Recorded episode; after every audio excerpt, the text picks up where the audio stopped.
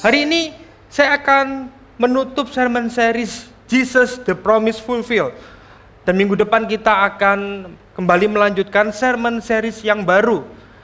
Hari ini kita akan berbicara tentang Jesus the Prince of Peace. Yesus adalah Raja Damai.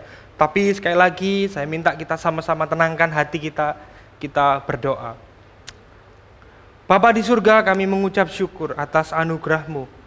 Hari ini kalau kami boleh beribadah, kami percaya ini adalah anugerahmu Tuhan. Kami boleh memuji Engkau, kami boleh menyembah Engkau Tuhan. Kami percaya akan penyertaanmu juga Tuhan. Tuhan hari ini kalau Engkau berikan hari yang baru. Kiranya kami berdoa juga, Kau juga terus memperbarui hati kami Tuhan.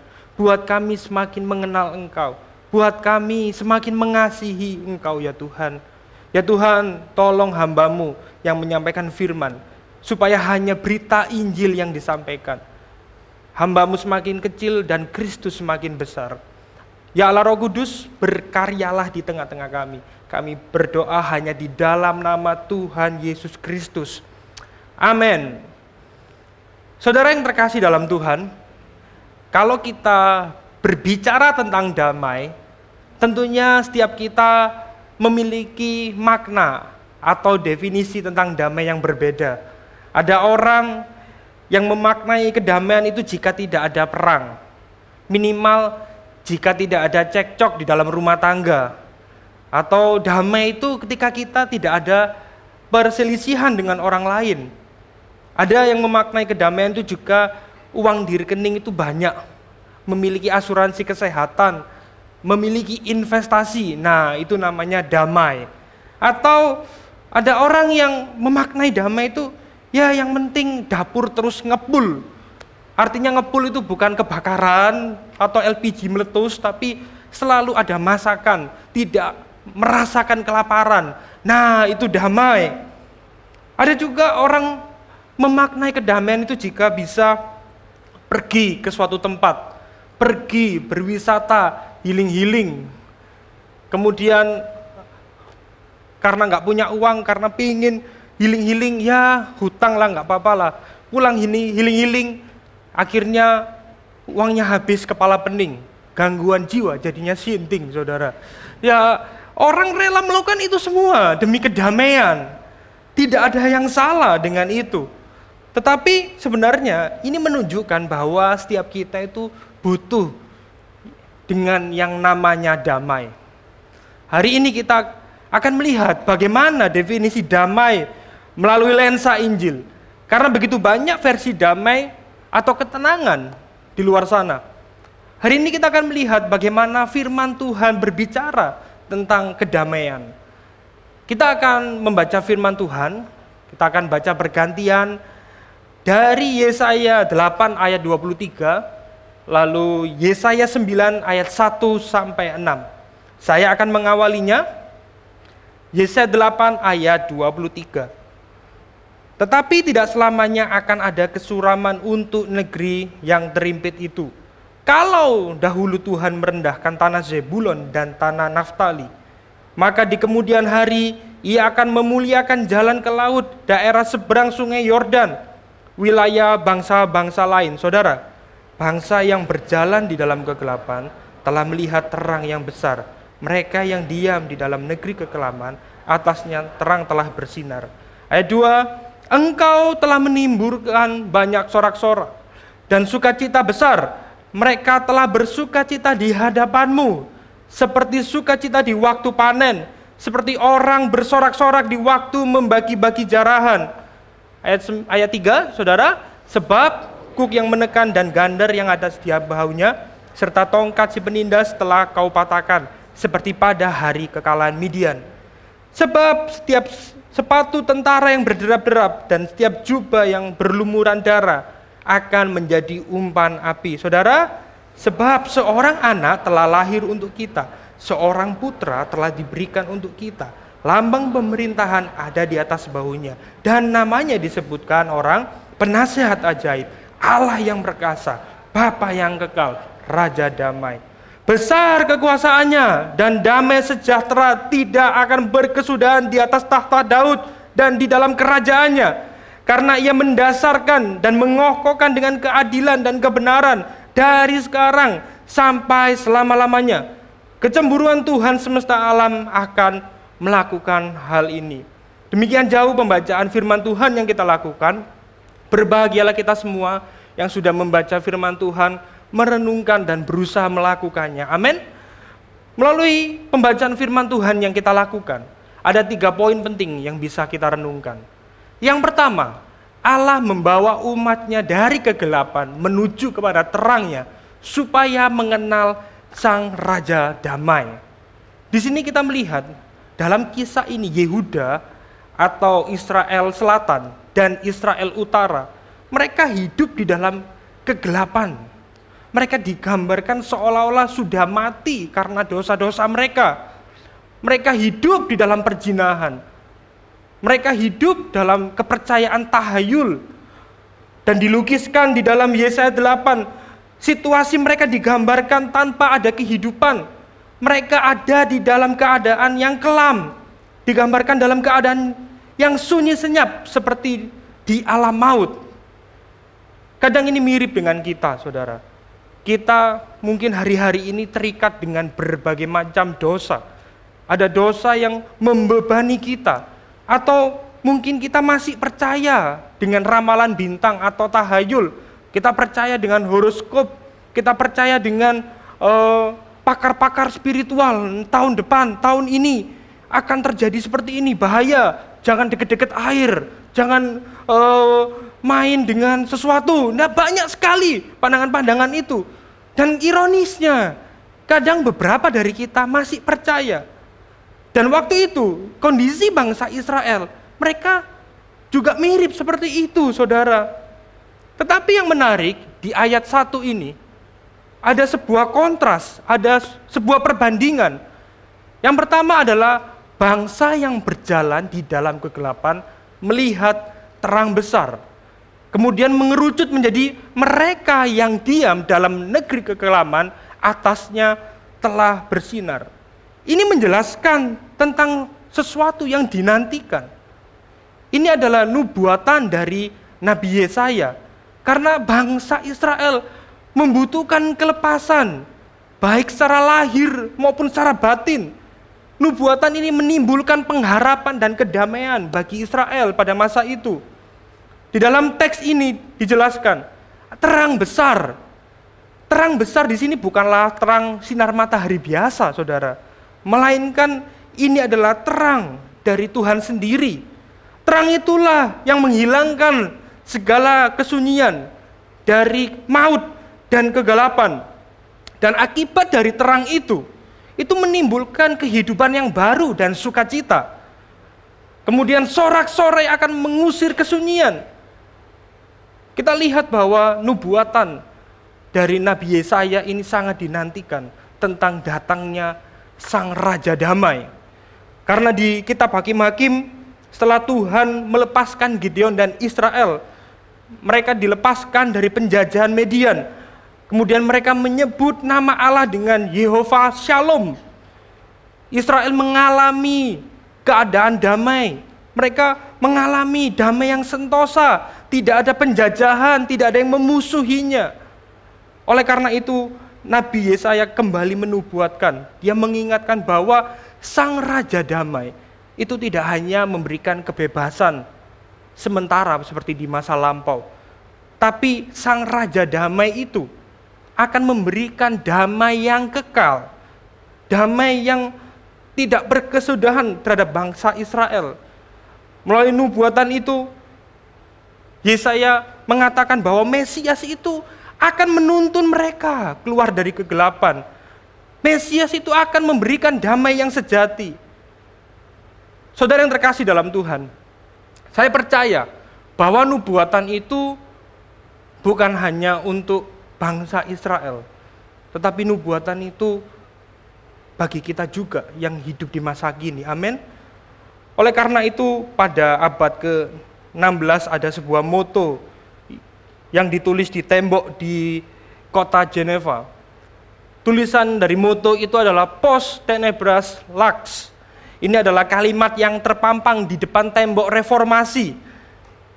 Tulisan ini sangat terkenal di kota Geneva. Artinya itu sesudah kegelapan terbitlah terang. Jadi ini quote yang lebih tua daripada eranya e, Ibu kita Kartini. Kalau Ibu kita Kartini berbicara habis gelap terbitlah terang. Ternyata sejak abad 16 sudah ada tulisan seperti ini.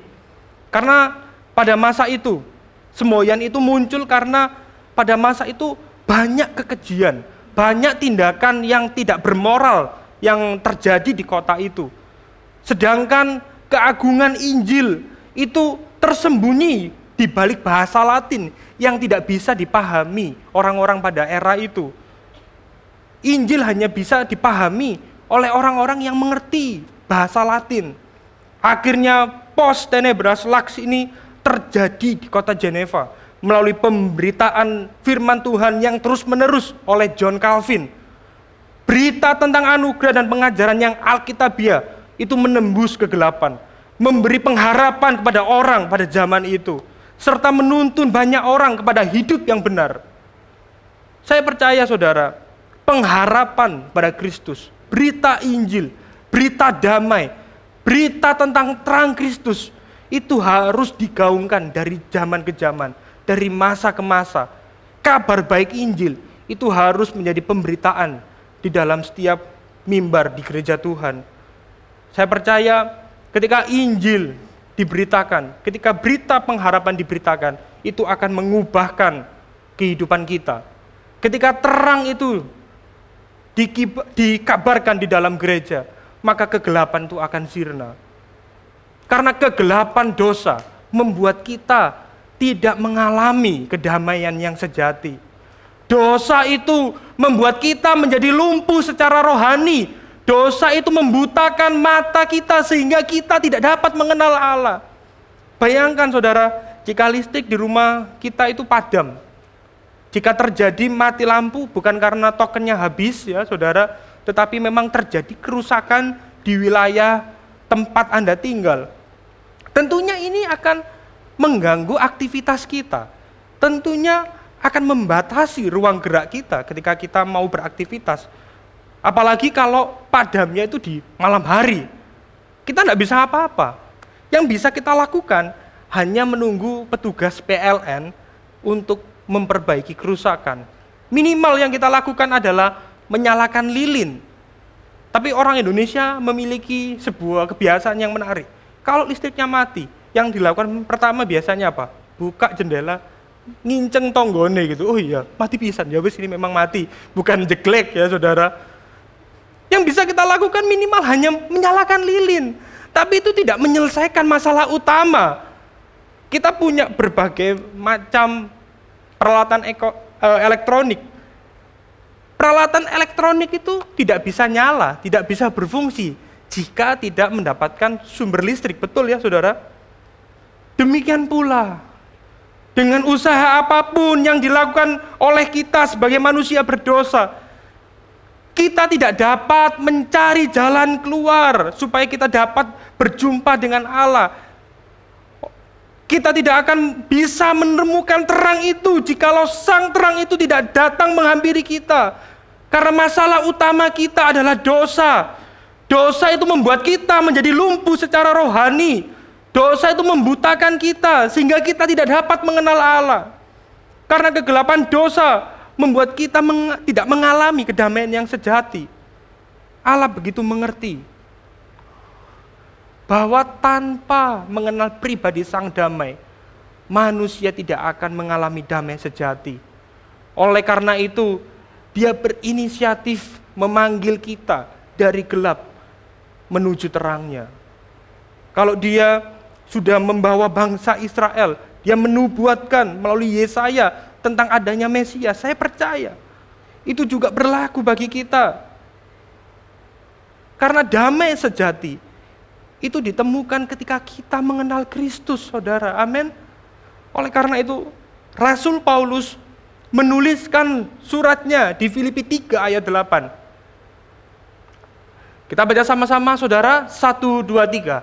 Malahan segala sesuatu ku anggap rugi karena pengenalan akan Kristus Tuhanku lebih mulia dari semuanya. Oleh karena dialah aku telah melepaskan semuanya itu dan menganggapnya sampah supaya aku memperoleh Kristus, Saudara.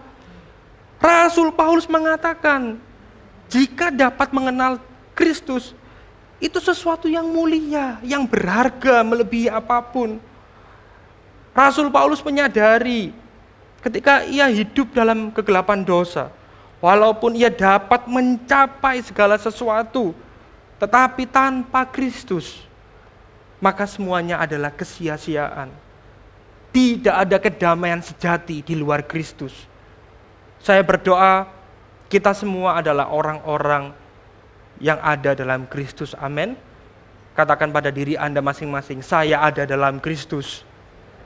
Bilang kepada kanan kirimu, kamu juga ada dalam Kristus. Amin, saudara. Tidak ada damai sejati jika Kristus tidak ada dalam hidup kita. Investasi, tabungan, itu sifatnya hanya sementara. Banyak orang memiliki pemahaman yang keliru tentang damai. Orang-orang memiliki konsep yang salah tentang damai. Mereka mengatakan damai itu jika tidak terjadi apa-apa, jika situasi kondusif, semuanya berjalan dengan mulus, tenang, semuanya nggak ada penyakit, nggak ada kanker, itu damai. Damai menurut firman Tuhan tidak demikian, saudara. Damai itu jika kita itu mengenal Kristus, Itulah kedamaian yang sejati, saudara. Saya sedih ketika mendengar sebuah khotbah, kalau kamu ketemu Kristus, maka hidupmu akan baik-baik saja. Kamu akan dijauhkan dari pisau operasi, kamu tidak akan mengalami kesengsaraan, kamu akan punya banyak uang. Saya sedih sekali mendengar berita seperti itu. Itu adalah Injil yang palsu, saudara. Injil yang asli itu berbicara, kamu memang akan menderita kamu memang akan mengalami aniaya. Kamu akan mengalami tantangan. Tetapi aku menyertai kamu. Aku mendampingi kamu. Aku ada di dalam kamu. Aku memegang tanganmu. Itulah Injil yang asli. Tuhan tidak pernah menjanjikan kondisi kita itu baik-baik saja. Tetapi dia berjanji, dia itu menyertai kita. Ada lukisan yang menarik saudara. Saya kira ini lukisan ini luar biasa sekali ya. Mungkin Anda beberapa kali pernah melihatnya. Itu ada air terjun. Ternyata ketika di zoom, itu ada burung yang bertengger di sana membangun sarang. Kondisi air terjun itu begitu, uh, airnya luar biasa sekali. Kondisinya tidak kondusif. Bahkan ketika kita lihat langitnya, langitnya kelam sekali. Ada petir. Seperti seolah-olah setelah itu habis gini ada badai tetapi burung itu bertengger. Bahkan kelihatannya membangun sarang. Inilah definisi damai yang sejati. Kita itu bisa damai kalau kita sadar bahwa Kristus itu menyertai kita. Kita bisa merasakan sukacita kalau kita sadar Kristus itu mendampingi kita, saudara. Damai itu bukanlah ketiadaan masalah, melainkan keberadaan Kristus di dalam hidup kita. Damai sejati itu bukan artinya tidak ada tantangan. Damai sejati itu bukan artinya tidak ada pergumulan di dalam kehidupan kita. Tetapi damai sejati itu ketika kita sadar bahwa kita dipanggil dari gelap dan kita sekarang menjadi milik Kristus. Itulah damai yang sejati, saudara. Kita sadar bahwa kita itu adalah milik Kristus dan Kristus adalah harta bagi kita, saudara. Sang damai itu sudah tinggal di dalam hidup kita. Tapi sering kali kita itu lupa, sering kali kita masih khawatir, sering kali kita masih tidak percaya bahwa Tuhan itu menyertai kita. Ada tulisan yang sangat menegur saya dari Charles Spurgeon. Beliau mengatakan seperti ini, jika Anda tidak dapat mempercayai Tuhan di tengah badai.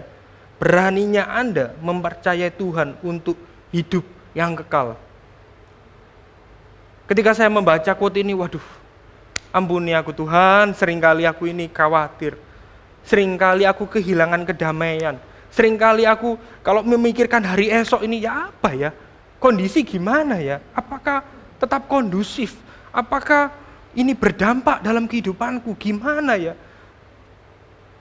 Di sini kita bertobat sama-sama, saudara. Kita sama-sama diingatkan.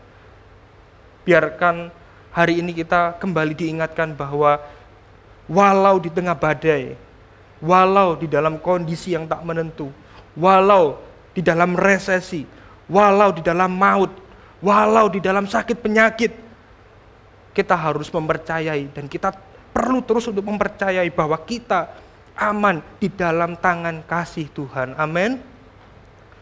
Kita perlu ingat bahwa sang damai itu tidak hanya tinggal dalam hati diri kita. Sang damai itu juga membebaskan kita. Sang damai itu menyertai kita. Sang damai itu memampukan kita. Kadang kita itu kehilangan damai sejahtera karena mungkin ada dosa di dalam diri kita.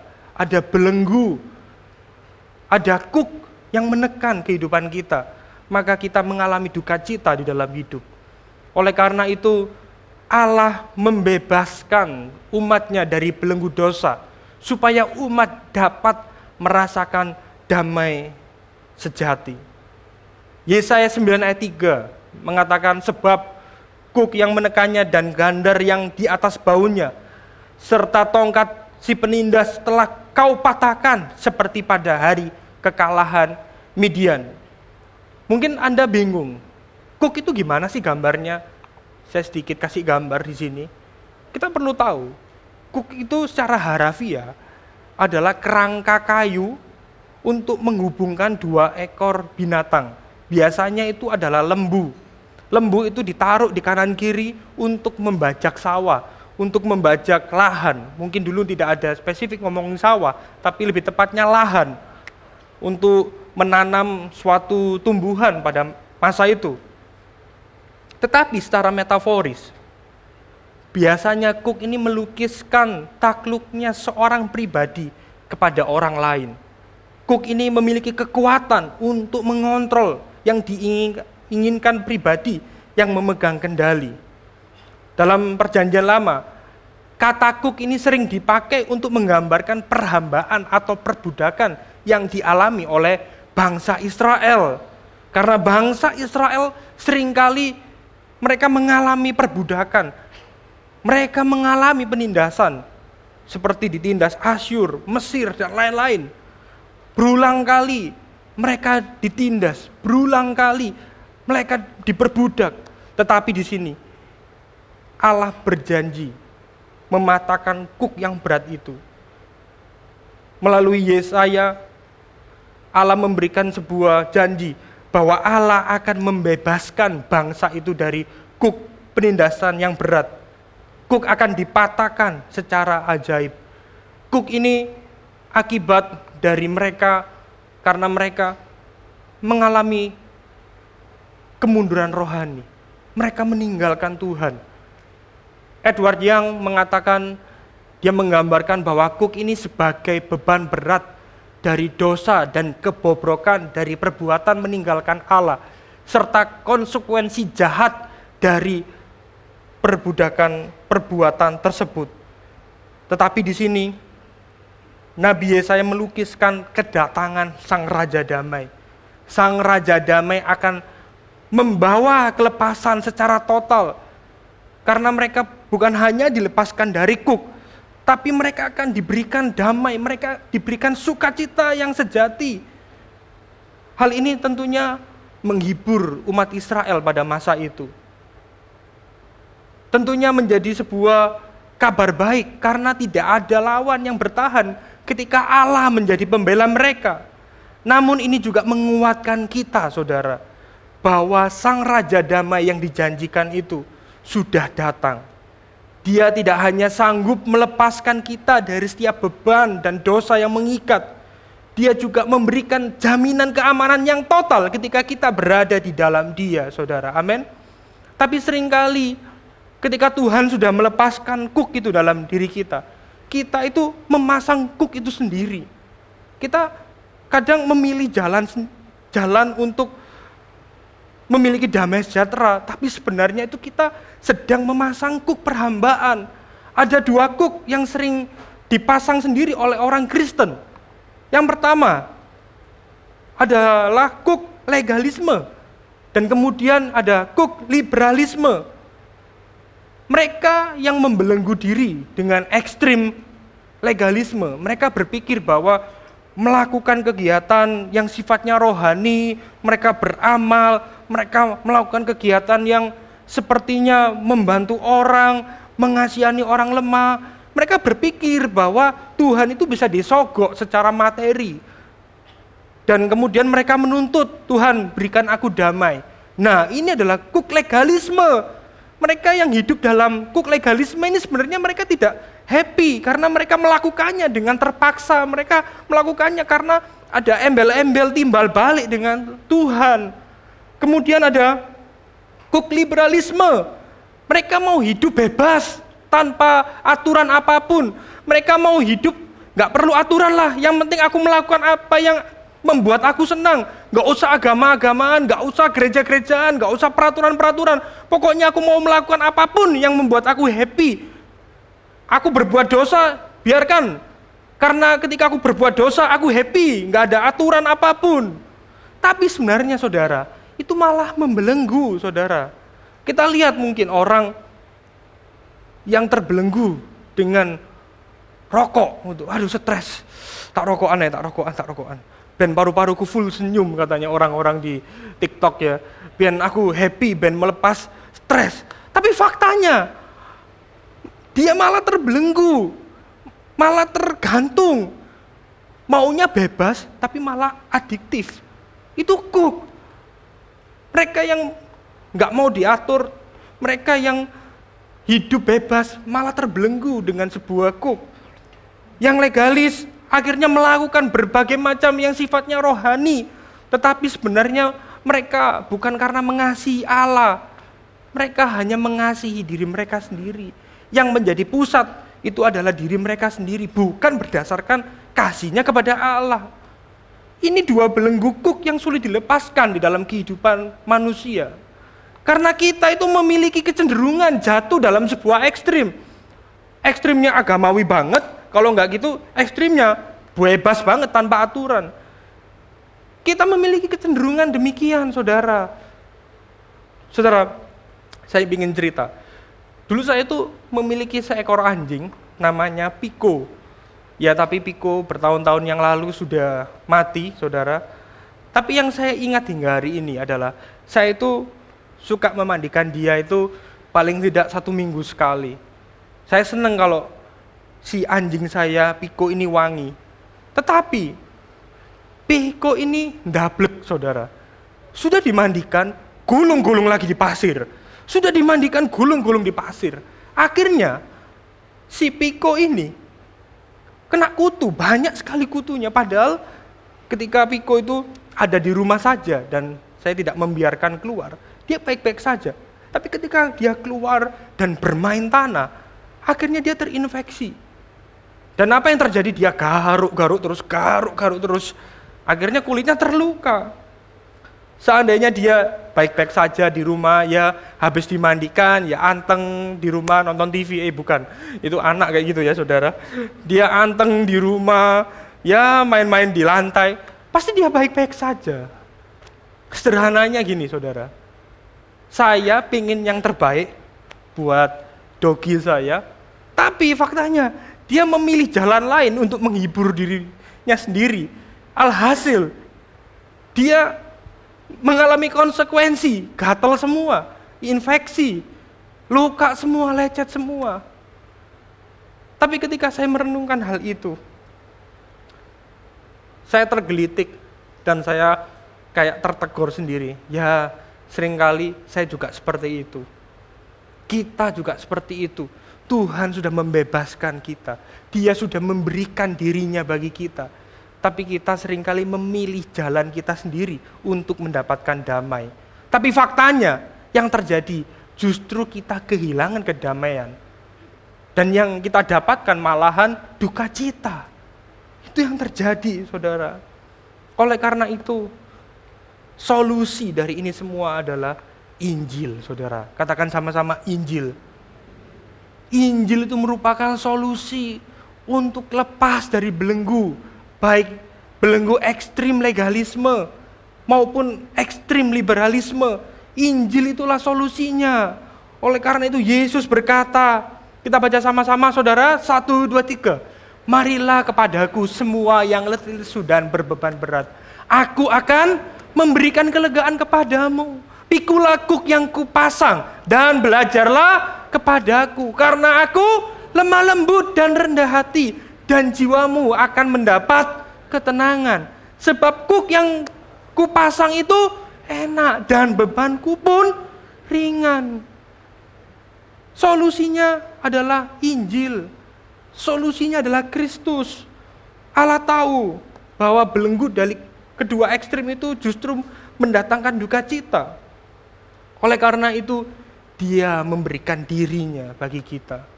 Dia memberikan dirinya melalui karya salibnya, supaya kita dapat merasakan damai dan sukacita yang sejati. Marilah kita semua datang kepadanya, karena kuk yang diberikan oleh Tuhan itu ringan. Karena Kristus sudah menggantikannya bagi kita. Jadi kita tidak sendirian menanggungnya, tetapi anugerahnya melalui roh kudus itulah yang menopang kita. Kalaupun ada beban dalam kehidupan kita, Beban kita itu nggak sebanding dengan apa yang dilakukan oleh Kristus karena anugerahnya itu ada di dalam kita. Anugerahnya menopang kita, saudara. Itulah yang memampukan kita. Amin. Ada ungkapan yang menarik dari Pak Bejoli. Beliau sering kali membawakan seminar apologetika di tempat ini. Pada beberapa hari lalu saya melihat postingan dari uh, Grammy atau Apologetika Indonesia, kalau tidak salah, ada tulisan seperti ini dari beliau Allah menyelamatkan kita bukan dengan menurunkan kitab suci atau mengutus para nabi, tetapi dengan datang sendiri. Tuhan bukan hanya menurunkan seperangkat peraturan, dia bukan hanya mengutus nabi, tetapi dia datang sendiri untuk menopang kita, untuk menolong kita, untuk menyelamatkan kita. Tentunya ini menjadi penghiburan bagi kita semua ini menjadi kekuatan dan pengharapan bagi kita orang-orang yang telah ditebus. Ini juga memberikan jaminan bagi kita bahwa Sang Raja Damai itu sudah datang. Dia tidak hanya sanggup melepaskan kita dari beban, tetapi dia memberikan solusi. Dia datang. Biarlah hari ini kita kembali menaruh iman kita kepada Dia. Jangan pakai cara kita sendiri, jangan pakai kekuatan kita sendiri, Seringkali kalau kita pakai kekuatan kita sendiri, kita pakai cara kita sendiri, akhirnya kita malah terbebani, akhirnya kita malah menaruh kuk di dalam diri kita sendiri, saudara. Amin. Di dalam perenungan kita pada hari ini, Tuhan itu tidak hanya membawa kita mengenal Dia. Dia tidak hanya membebaskan kita dari belenggu, tetapi Dia juga rindu supaya kita membawa damai kepada dunia sekeliling kita. Poin ketiga yang bisa kita renungkan adalah Allah mengutus putranya yang tunggal untuk memberikan damai supaya umatnya juga dapat menjadi penyalur damai. Jadi kita itu tidak hanya diampuni, tapi kita juga perlu menjadi penyalur damai. Kita tahu bahwa dunia kita itu semakin kelam, semakin banyak kesedihan, semakin banyak kegalauan. Kita kita itu tidak hanya ditebus, tapi kita juga diutus, saudara. Karena Sang Raja Damai itu sudah datang, saudara. Sang Raja Damai itu akan memampukan dan menolong kita. Sang Raja Damai itu bahasa aslinya adalah Sar Shalom. Yesus Kristus dalam nubuat Nabi Yesaya, dia digelari Raja Damai Bahasa aslinya adalah Shar Salom. Ayat ini diucapkan oleh Nabi Yesaya sekitar 750 tahun sebelum Yesus lahir.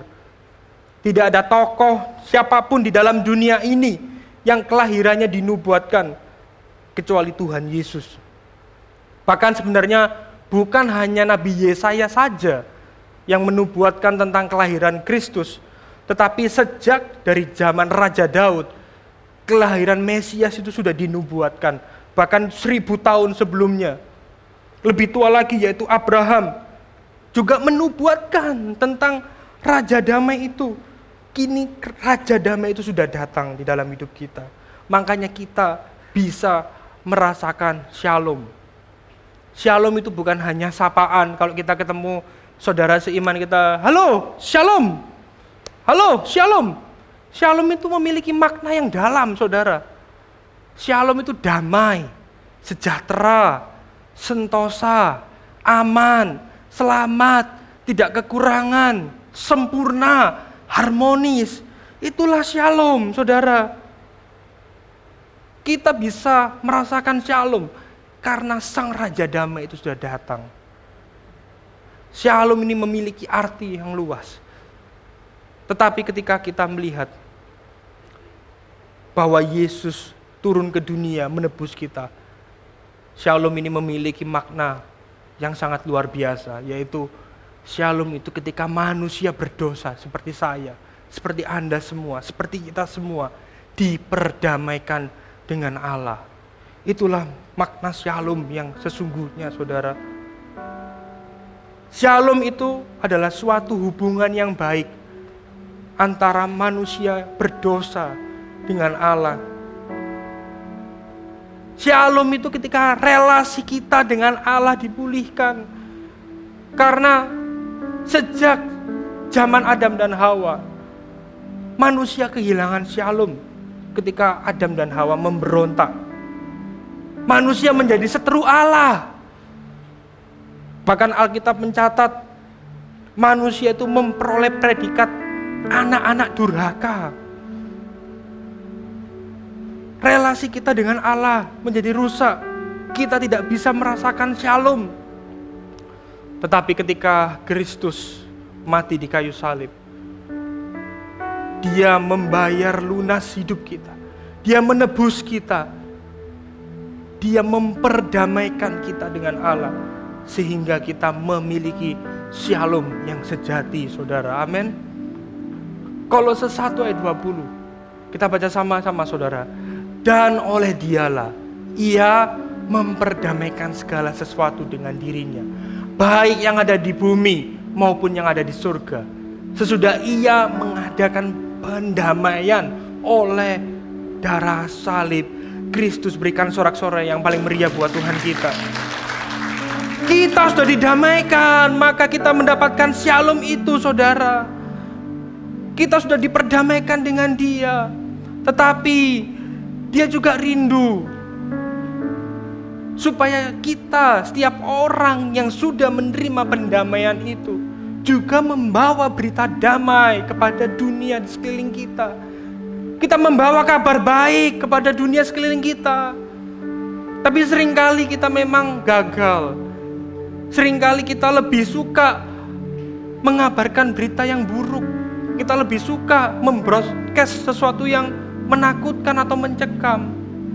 Tapi biarlah hari ini kita sama-sama memberitakan kabar damai sejahtera. Tuhan itu bukan hanya pengen kita menerima damai, tapi Tuhan juga pengen supaya kita menjadi penyalur damai. Dunia di mana kita tinggal tidak makin baik, dunia di mana kita berada semakin buruk, banyak berita bencana, resesi, dan lain sebagainya. Belum lagi situasi politik yang makin pemanas. Karena di tahun 2024 akan ada pilpres dan lain sebagainya. Waduh, black campaign di mana-mana pasti. Tapi biarlah kita sebagai orang-orang yang sudah menerima damai, kita membawa damai itu kepada dunia sekeliling kita. Amin. Paling tidak yang bisa kita lakukan adalah pray, share, invite. Doakan orang-orang yang belum mengenal Kristus. Doakan mereka yang belum pernah mendengarkan berita Injil. Jangan tertipu dengan KTP-nya Kristen. Belum tentu Kristen itu mengerti Injil, saudara. Bagikan firman Tuhan bagi mereka. Karena berita damai itu bukan hanya tanggung jawab hamba Tuhan. Tetapi itu menjadi tanggung jawab kita semua untuk kita menjadi penyalur-penyalur damai, saudara. Biar di awal tahun ini kita juga menjadi duta bagi kerajaan Allah, saudara. Karena 2 Korintus 5 ayat 18 mengatakan, dan semuanya ini dari Allah yang dengan perantaraan Kristus telah mendamaikan kita dengan dirinya dan yang telah mempercayakan pelayanan pendamaian itu kepada kami. Kita dipercaya untuk mengabarkan damai itu, saudara. Bayangkan, kita tidak hanya diampuni, tetapi kita juga dipercaya. Ini sebuah kehormatan bagi kita orang percaya.